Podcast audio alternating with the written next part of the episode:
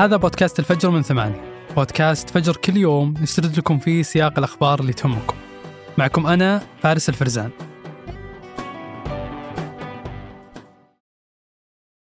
قهوة الصباح وأجود محاصيل البن المختص تلاقيها في خطوة جمل. اعرف أقرب فرع لك من الرابط في وصف الحلقة.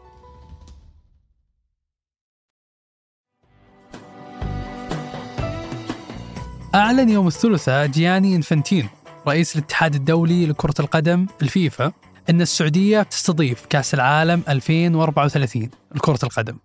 وبحسب الإعلان قالوا فيه أن الاتحاد السعودي لكرة القدم هو الجهة الوحيدة اللي تقدمت بعرض لاستضافة كأس العالم 2034 بحلول الموعد النهائي المحدد.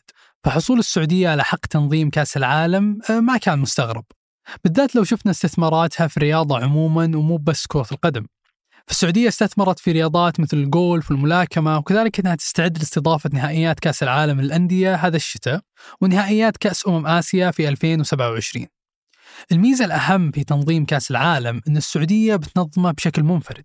فلو شفنا الكأس العالم 2026 فهو بيكون من تنظيم ثلاث دول وهم كندا والمكسيك وأمريكا. وكذلك كأس العالم في 2030 بيكون من تنظيم مشترك من ثلاث دول وهم المغرب وإسبانيا والبرتغال. واليوم بنعرف مع ضيفنا محمد النويصر العضو السابق في الاتحاد الدولي فيفا وكذلك الاتحاد الآسيوي نقاط القوة في ملف السعودية. وش خططنا الأولية لهذا الحدث العالمي؟ في البداية ودي نتكلم عن تفاصيل حصولنا على حقوق التنظيم بشكل منفرد و... وليه تشوف أن صحافة العالم تسأل باستغراب عن هذا الموضوع؟ آسيا معروف الدول اللي تنظم فيها واللي عندها إمكانيات. والسعودية دائما لا على مستوى المنتخبات ولا على مستوى الأندية هي دائما في المقدمة. واللي قاعد يصير من نهضة ومن حراك كبير في السعودية سواء على مستوى الرياضي على مستوى الترفيهي على مستوى البنية التحتية على مستوى الدوري السعودي النقلة اللي, اللي صارت فيه السنة هذه هذا حدث كبير بالنسبة لنا كرياضيين. واضح مؤشراته وواضح حتى من التنظيمات السابقة اللي أصلا السعودية يعني عندنا في 27 عندنا بطولة آسيا عندنا 29 في آه نيوم عندنا في 34 بطولة الشتوية العالمية آه الأولمبيات. فالحراك آه، اللي قاعد يصير واضح لآسيا أن من الصعب أحد ينافس السعودية آه، على الاستضافة. بيكون مضيعة وقت لهم ومضيعة جهد لأن ترى أنك تجهز ملف آه هذا موضوع ممكن تقول سهل لكن أنك آه تحط آه, آه، بنية تحتية أو تضع تجهيزات الكبيرة المطلوبة هذا يعني مو مو سهل على أي دولة مو بس في آسيا حتى مختلف دول العالم. الأكثر خلاها أكثر صعوبة وخلاها ميزة بالنسبة لنا إن أول مرة 48 منتخب حيشارك فالعدد كبير أول مرة وأول مرة حتى منفردا يصير. السعودية سواء سابقا كانت أقل وكانت برضو عليها منافسة. فأنا أشوف إن الف... الاتحادات على قولهم قالت من البداية إن نبتعد لأن فعلا المنافسة صعبة. البلد ماشي على هذا رؤية المملكة بقيادة سمو سيد الأمير محمد بن سلمان واضحة في أهدافها في برامجها. ليس بس البرامج الرياضية الثقافية الاجتماعية الترفيهية الرياضية الأحداث اللي قاعدة تصير في السعودية مؤشرات طبيعية حتى على موضوع الإكسبو. كل هذه مؤشرات تقول هذا البلد إنها قادرة وعندها رغبة في آه، التوسع في استضافات وفتح البلد أكثر على موضوعه اللي هو جزء من الرؤية حتى على السياحة. يعني فعشان كذا انكسرنا منفردين لأن ما كانوا قادرين يدخلون أو ينافسون فأخذوها على قولهم. من من قاصرها على قول المصريين. إيه. لا بس ودي الصدق إني أعرف أكثر آه، يعني عن تفاصيل المنافسة من المنافسين الثانيين اللي كانوا مقدمين معنا وش اللي يميز ملف السعودية في إنه يفوز بحقوق التنظيم؟ هم ما عندهم يعني ما عندهم شيء يعني الدول كانت تدخل سواء أستراليا أو إندونيسيا أو ما عندهم. حتى إندونيسيا مؤخرا سحبت منها استضافة آه، بطولة آه، أعتقد كأس العالم للناشئين. وأستراليا ما عندها أيضا هي بلد متقدمه وكذا لكن ما عندها بنية تحتية للرياضة ولا عندها الاهتمام الكبير بالرياضة وبالعكس أستراليا قاره بعيدة ومتفرقة عن الدول الأخرى عشان يستضيفون مجموعة، يعني أنت عشان تروح أستراليا تنتقل لها من أي بلد في حتى في داخل آسيا يبغى لك أقل شيء 12 ساعة طيران. ف واضح إن التميز إن في الخطوط المحطات اللي وضعتها السعودية في جميع استضافاتها وإن الملف حقها كامل متكامل فخلاهم يبتعدون. طيب نعرف إن في استثمارات في رياضات ثانية مثل الجولف آه، صحيح. الملاكمة آه، هل هذه كان لها تأثير على قوة الملف وشو لو كان في تأثير وشو التأثير هذا؟ أول شيء التأثير بيكون اولا البنية التحتية اللي قاعدة تصير في مدينة الرياض وفي المملكة في مختلف المناطق وفي العلا وفي نيوم وفي البحر الأحمر. الحراك اللي قاعد يصير هذا البنية التحتية هي تساعد. أيضا وجود المطارات المطار المطارات المتعددة الموجودة في السعودية الدولية. أيضا المترو الحين بدأ يشتغل. وأيضا حتى النقل والتردد اللي قاعد يصير في النقل قاعدين نتابعه. كل هذه البنية التحتية حي... حتكون أفضل من ناحية المنشآت في الفترات القادمة. باقي قدامنا 11 عام. الحين الفترة هذه يعني نقول أنا متوقع نص أو ثلاث أرباع المشوار موجود. الأسباب إن في مناسبات عندك. اكتماله حيكون فيها إن شاء الله الله أحيانا في هذه الفترة حيكون يعني أشياء كثيرة من البنية التحتية انتهت. البلد أصلا في عام 2030 فيها نقلة كبيرة حتصير حتى في تعداد السكان. الشيء صراحة أنا البنية التحتية وهذه أكيد بيكون فيها جزء مهم جدا لكن اللي يميزنا في البلد إن الشباب الموجودين والارقام تقول إنهم أكثر من 60% يمكن 68% شباب. وإدارة الحشود هذه موجودة وهي أهم في في التنظيم يعني من الأشياء الأساسية غير البنية التحتية. هذه موجودة. المملكة يوميا تستضيف من ناس معتمرين وحجاج. هذول هذا هذا اسمه إدارة حشود. هذا مو موجود في أي بلد في العالم أنها تستقبل. يعني يوميا تشغل أنت التلفزيون تشوف على مكة تشوف آلاف يعني مئات الآلاف المصلين. هذول من وصولهم إلى المطار إلى تحركهم إلى تنقلهم بالمترو أو بالقطار بالباصات السكن للفنادق. كل كل هذا الحراك مو سهل إنك تديره. لكن إحنا متعودين عليه. أيضا المناسبات اللي صارت الرياضية المختلفة من استضافة السوبر الإيطالي والسوبر حتى على مستوى الوطن العربي. آه، أيضا المناسبات اللي تصير للترفيه ال ال ال الإدارة اللي قاعدة تصير حتى في الترفيه. آلاف الناس يجون على موسم الرياض من مختلف الدول أيضا من الداخل. أعطت خبرة كبيرة في إدارة الحشود. تخيل هذا هذول الناس هم نفسهم بيديرون أيضا مناسبات رياضية جاية قريبا في 27 وبعدها وبعدها. الاستثمار في هذا الموضوع أول شيء بيكون عندك عدد كوادر كبير من الوظائف والمؤهلين من الشباب لهذا المستقبل خاصة المتخصصين في أنا أتوقع بس مو في الرياضة في مختلف التخصصات المصانع في السعودية حتتحرك كثير والشركات حتى الحين الفترة نتكلم اليوم نهاية العام المكاتب الإقليمية مطلوب منها أنها تكون موجودة مع بداية 24 مع هذا الحدث اللي ما كان يفكر أن تقلوا أصلا أعداد كبيرة إلى الرياض حيزيد الأعداد مضاعفة بمناسبة إقامة هذه المناسبة الكبيرة ليش؟ لأنه ما يقدر يدخل في أي عمل تجاري أو يقدر يقدم على عقود إذا لم يكن المركز الإقليمي موجود في الرياض، طبعا في اشتراطات أخرى. كل سنة تزيد، كل سنة آه، ترتفع حسب الحراك، فهذا توقع العديد من الشركات العالمية. حتزيد وحتكون مكاتبها الإقليمية أكثر، حيكون استثماراتها أيضا أكثر، فكل القطاعات، طبعا القطاع الرياضي حيتحرك من الناحيه اللي عنده شركات، تو تكلمت عن الجولف، تكلمت هذه من الأشياء الترفيهية من ضمن جودة الحياة في المملكة. والمقيمين قاعدين ينتقلون للسعودية بأعداد كبيرة. بيكون حوالي في كأس العالم في السعودية حوالي 105 مباريات. هذه بتزيد عدد الدول المشاركة بيزيد عدد الجمهور أكثر فبيزيد عدد الأوتيلات بيزيد عدد المناطق اللي والمدن اللي حتستضيف. أنا أتوقع لن يكون فقط توقعاتي أكيد بيكون في في نيوم بطولات بيكون في العلا بطولات غير المدن الرئيسية لأن المباريات كثيرة وأيضا بيكون لها نصيب في هذا الهدف منه من الغير مباشر إن هذول جايين للسياحة حيعيدوا التجربة مرة ثانية ويزورون هالمناطق.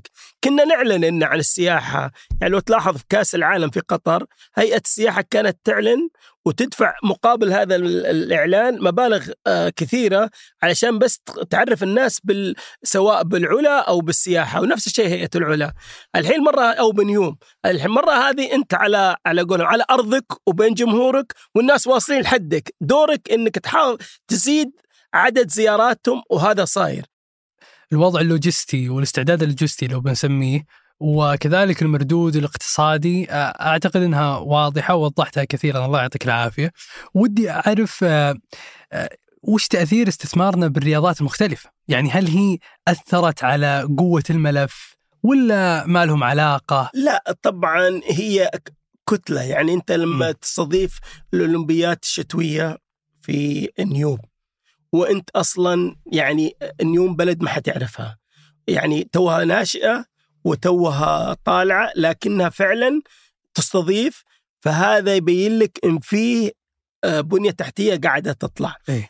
ال- ال- ال- الألعاب الأخرى من أي نشاطات رياضية هي تعطيه تخلي الناس تلتفت لهذا البلد أكثر وتتعرف على المملكة أكثر إن فيها. المصارعة اللي صارت قبل كم يوم أو والملاكمة اللي قاعدة تصير أو بيصير حتى عندنا أحداث كثيرة في في الجولف أيضا كان في آه كان في أرامكو آه راعية لبطولة الجولف في الرياض. كل هذه الأحداث العالم تتابعها في الخارج. فأنت لما يصير أنت مكان استضافة آه وعندك حراك رياضي أكيد حتى الناس ممكن مستقبلا تجيك آه تمارس هذه أثناء تواجدها أو أو صارت تعرف الرياضة الرياضة عنصر مهم في جودة الحياة في هذا البلد. أنا أتوقع حيزيد إعداد الناس اللي حيسكنوا في المملكة سواء من ناحية إدارة مصانع إدارة شركات أو من حتى أفراد أو عمالة هذول أيضا يحتاجون خدمات يحتاجون رياضات. آه طيب باعتبارك عضو في لجنة الأندية بالاتحاد الدولي لكرة القدم.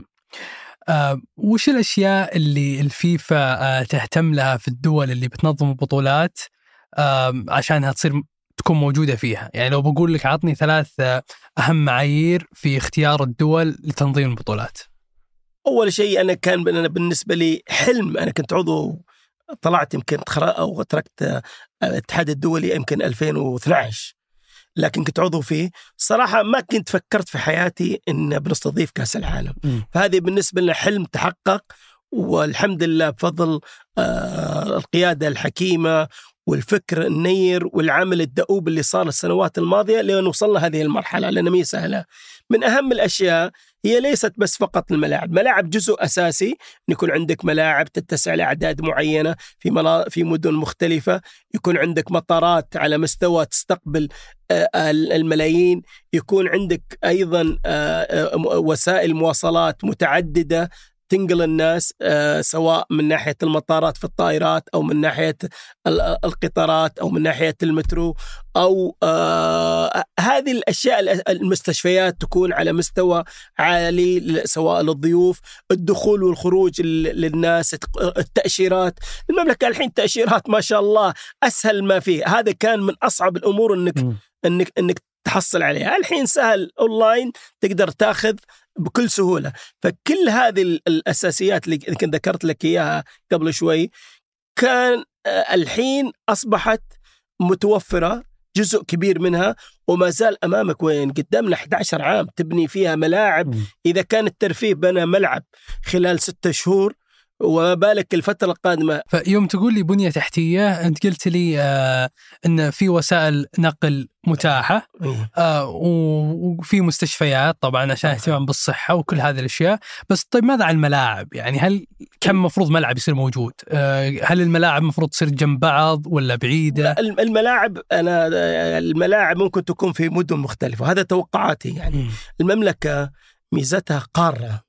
كبيرة ولو آه معلش إيه. آه، أعيد لك اياه من جديد تحديدا انه وش الشروط اللي يشترطونها الفيفا آه في الدولة نفسها المستضيفة آه من عدد الملاعب مثلا ولا من سهولة الوصول للملعب أو هذه الأشياء. كلها. في طبعا ال- الأرقام أنا لأن كل سنة تتحدث الأرقام يعطون عدد ملاعب أكثر.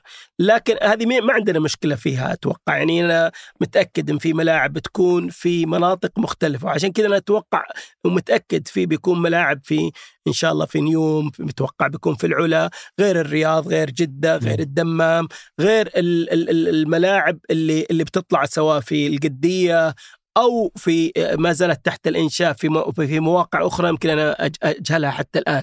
لكن عدد الملاعب وحتى الأرقام الاستيعابية عادة توصل توصل 75 80 ألف. م. هذه هذا عادة ال- الأعداد. وبعدين كل ما يكون العدد بهذا الأرقام مقبولة عندنا في السعودية لأن عندنا التعداد السكاني عالي جدا م. لو تشوف ملعب ال- الملك عبد الله أو حتى ملعب ال- الملك فهد اللي الحين تعتبر أكبر أعداد آه، عالية تلاقي بعض في المباريات الكبيرة الجمهور جالس برا إيه. ليش؟ لأن عندك جمهور سعودي أو عدد السكان يساعدك على هذه على هذه الأشياء إنها تكون موجودة فهذا آه، غيرنا ممكن يسمونه الارث هم لما ينتهي كأس العالم يكون عندهم مشكلة كثيرة كثير من الدول العالم بما فيها لندن بما فيها آه، الأولمبيات يوم كانت في أستراليا ما فيها حتى قطر. الإرث هذا إن يكون عندك أرقام كبيرة وعدد سكانك قليل فتضطر إنك يا تتبرع بجزء من هذه الملاعب أو إنك تحولها إلى إلى إلى مرافق أخرى كفنادق أو مستشفيات. لكن في السعودية ال- هذا الموضوع ما يعني آه، هذا آه، غيرنا ممكن يشكل لجنة. يسمون لجنة الإرث، الإرث اللي يورثونه من بعد انتهاء هذه المسابقه، هذا صار حتى في لندن، لندن وزعت الملاعب على بعض الأندية رغم إنه عندهم تعداد سكاني لكن ما ما الأعداد كانت أكبر، لكن في السعودية إذا كانت في مناطق مختلفة وهذا سهل بالنسبة لنا إنها تبقى زي ما هي ولا عندك مشكلة فيها ولا أعتقد إن بتكون في عندنا زي بقية الدول آه، لجنة آه، اسمها لجنة الإرث آه ودي آه، كعضو اتحاد آسيوي بما إنك كنت عضو سابقا. في الاتحاد الآسيوي آه إن السعودية حصلت أو حصل ملف السعودية على دعم من 125 اتحاد مشارك بالفيفا. هل هذا الرقم يعتبر ملفت مقارنة بالملفات السابقة للدول الثانية؟ طبعا الرقم عالي جدا وأيضا واضح. كلها كلها الأشخاص اللي وافقوا على التج تابعين. يعني أنا يكفيك الحراك اللي صار آه، الموسم هذا في الرياضة في المملكة. ما, ما يعني كل دول أوروبا كل دول العالم كل القنوات العالمية قاعدة تتحدث عن الدوري السعودي والنقلات اللي اللي صارت فيه. والعدد النجوم اللي تواجدوا فيه. هذا ال- الحراك أكد إن المملكة ماشية في طريق وعندها برنامج معين. فعشان كذا ال... وأيضا هذول الدول سبق لعبوا في السعودية سواء في بطولات آه، آسيوية أو استضافوهم على زي في في السوبر ال- الإيطالي والسوبر الأسباني. فهذه الدول شاركت في إنها لعبت في داخل المملكة من خلال استضافات فكلهم عارفين وش الإمكانيات في السعودية ودي تقول لي أهم خمس نقاط آه تعتبر نقاط قوة في ملف السعودية. البنية التحتية مهمة وهذا متوفر، المنشآت الرياضية في معلن عن عن عن ملاعب كثيرة وأيضا المستشفيات، كم بيكون عمرك وقتها؟ والله أنا ما أت- أتوقع يعني 34 لا لا لا 36 36 الله. إن شاء الله ربنا. يعطيك شكراً جزيلاً. جميع الصحة والعافية. وقبل ننهي الحلقة هذه توصيات نهاية الأسبوع. الفيلم الوثائقي بكام؟ واللي يسرد قصة حياة نجم كرة القدم السابق وأحد أبرز لاعبين كرة القدم الإنجليز واللي لعب في مانشستر يونايتد الإنجليزي وريال مدريد الإسباني. ولكن أعلن اعتزاله في 2013 وهو لاعب في نادي باريس سان جيرمان الفرنسي. ومن نشرة آها مقالة الجديون هم الخاسرون في كأس العالم. للكاتب أنس الرتوعي تناول فيها عن الجادين في العمل ودعاهم لخوض تجربة الانفصال الذهني والاستمتاع بمشاهدة المباريات.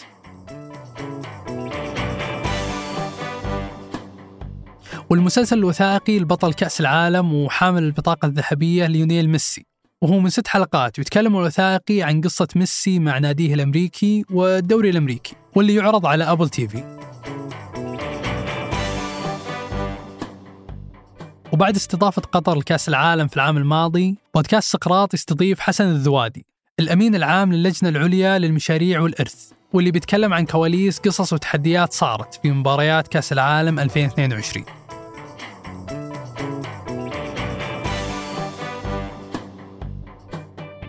أنتج هذه الحلقة سفر عياد وريناد العيسى وقدمتها أنا فارس الفرزان وحررها جميل عبد الأحد. نشوفكم فجر الأحد.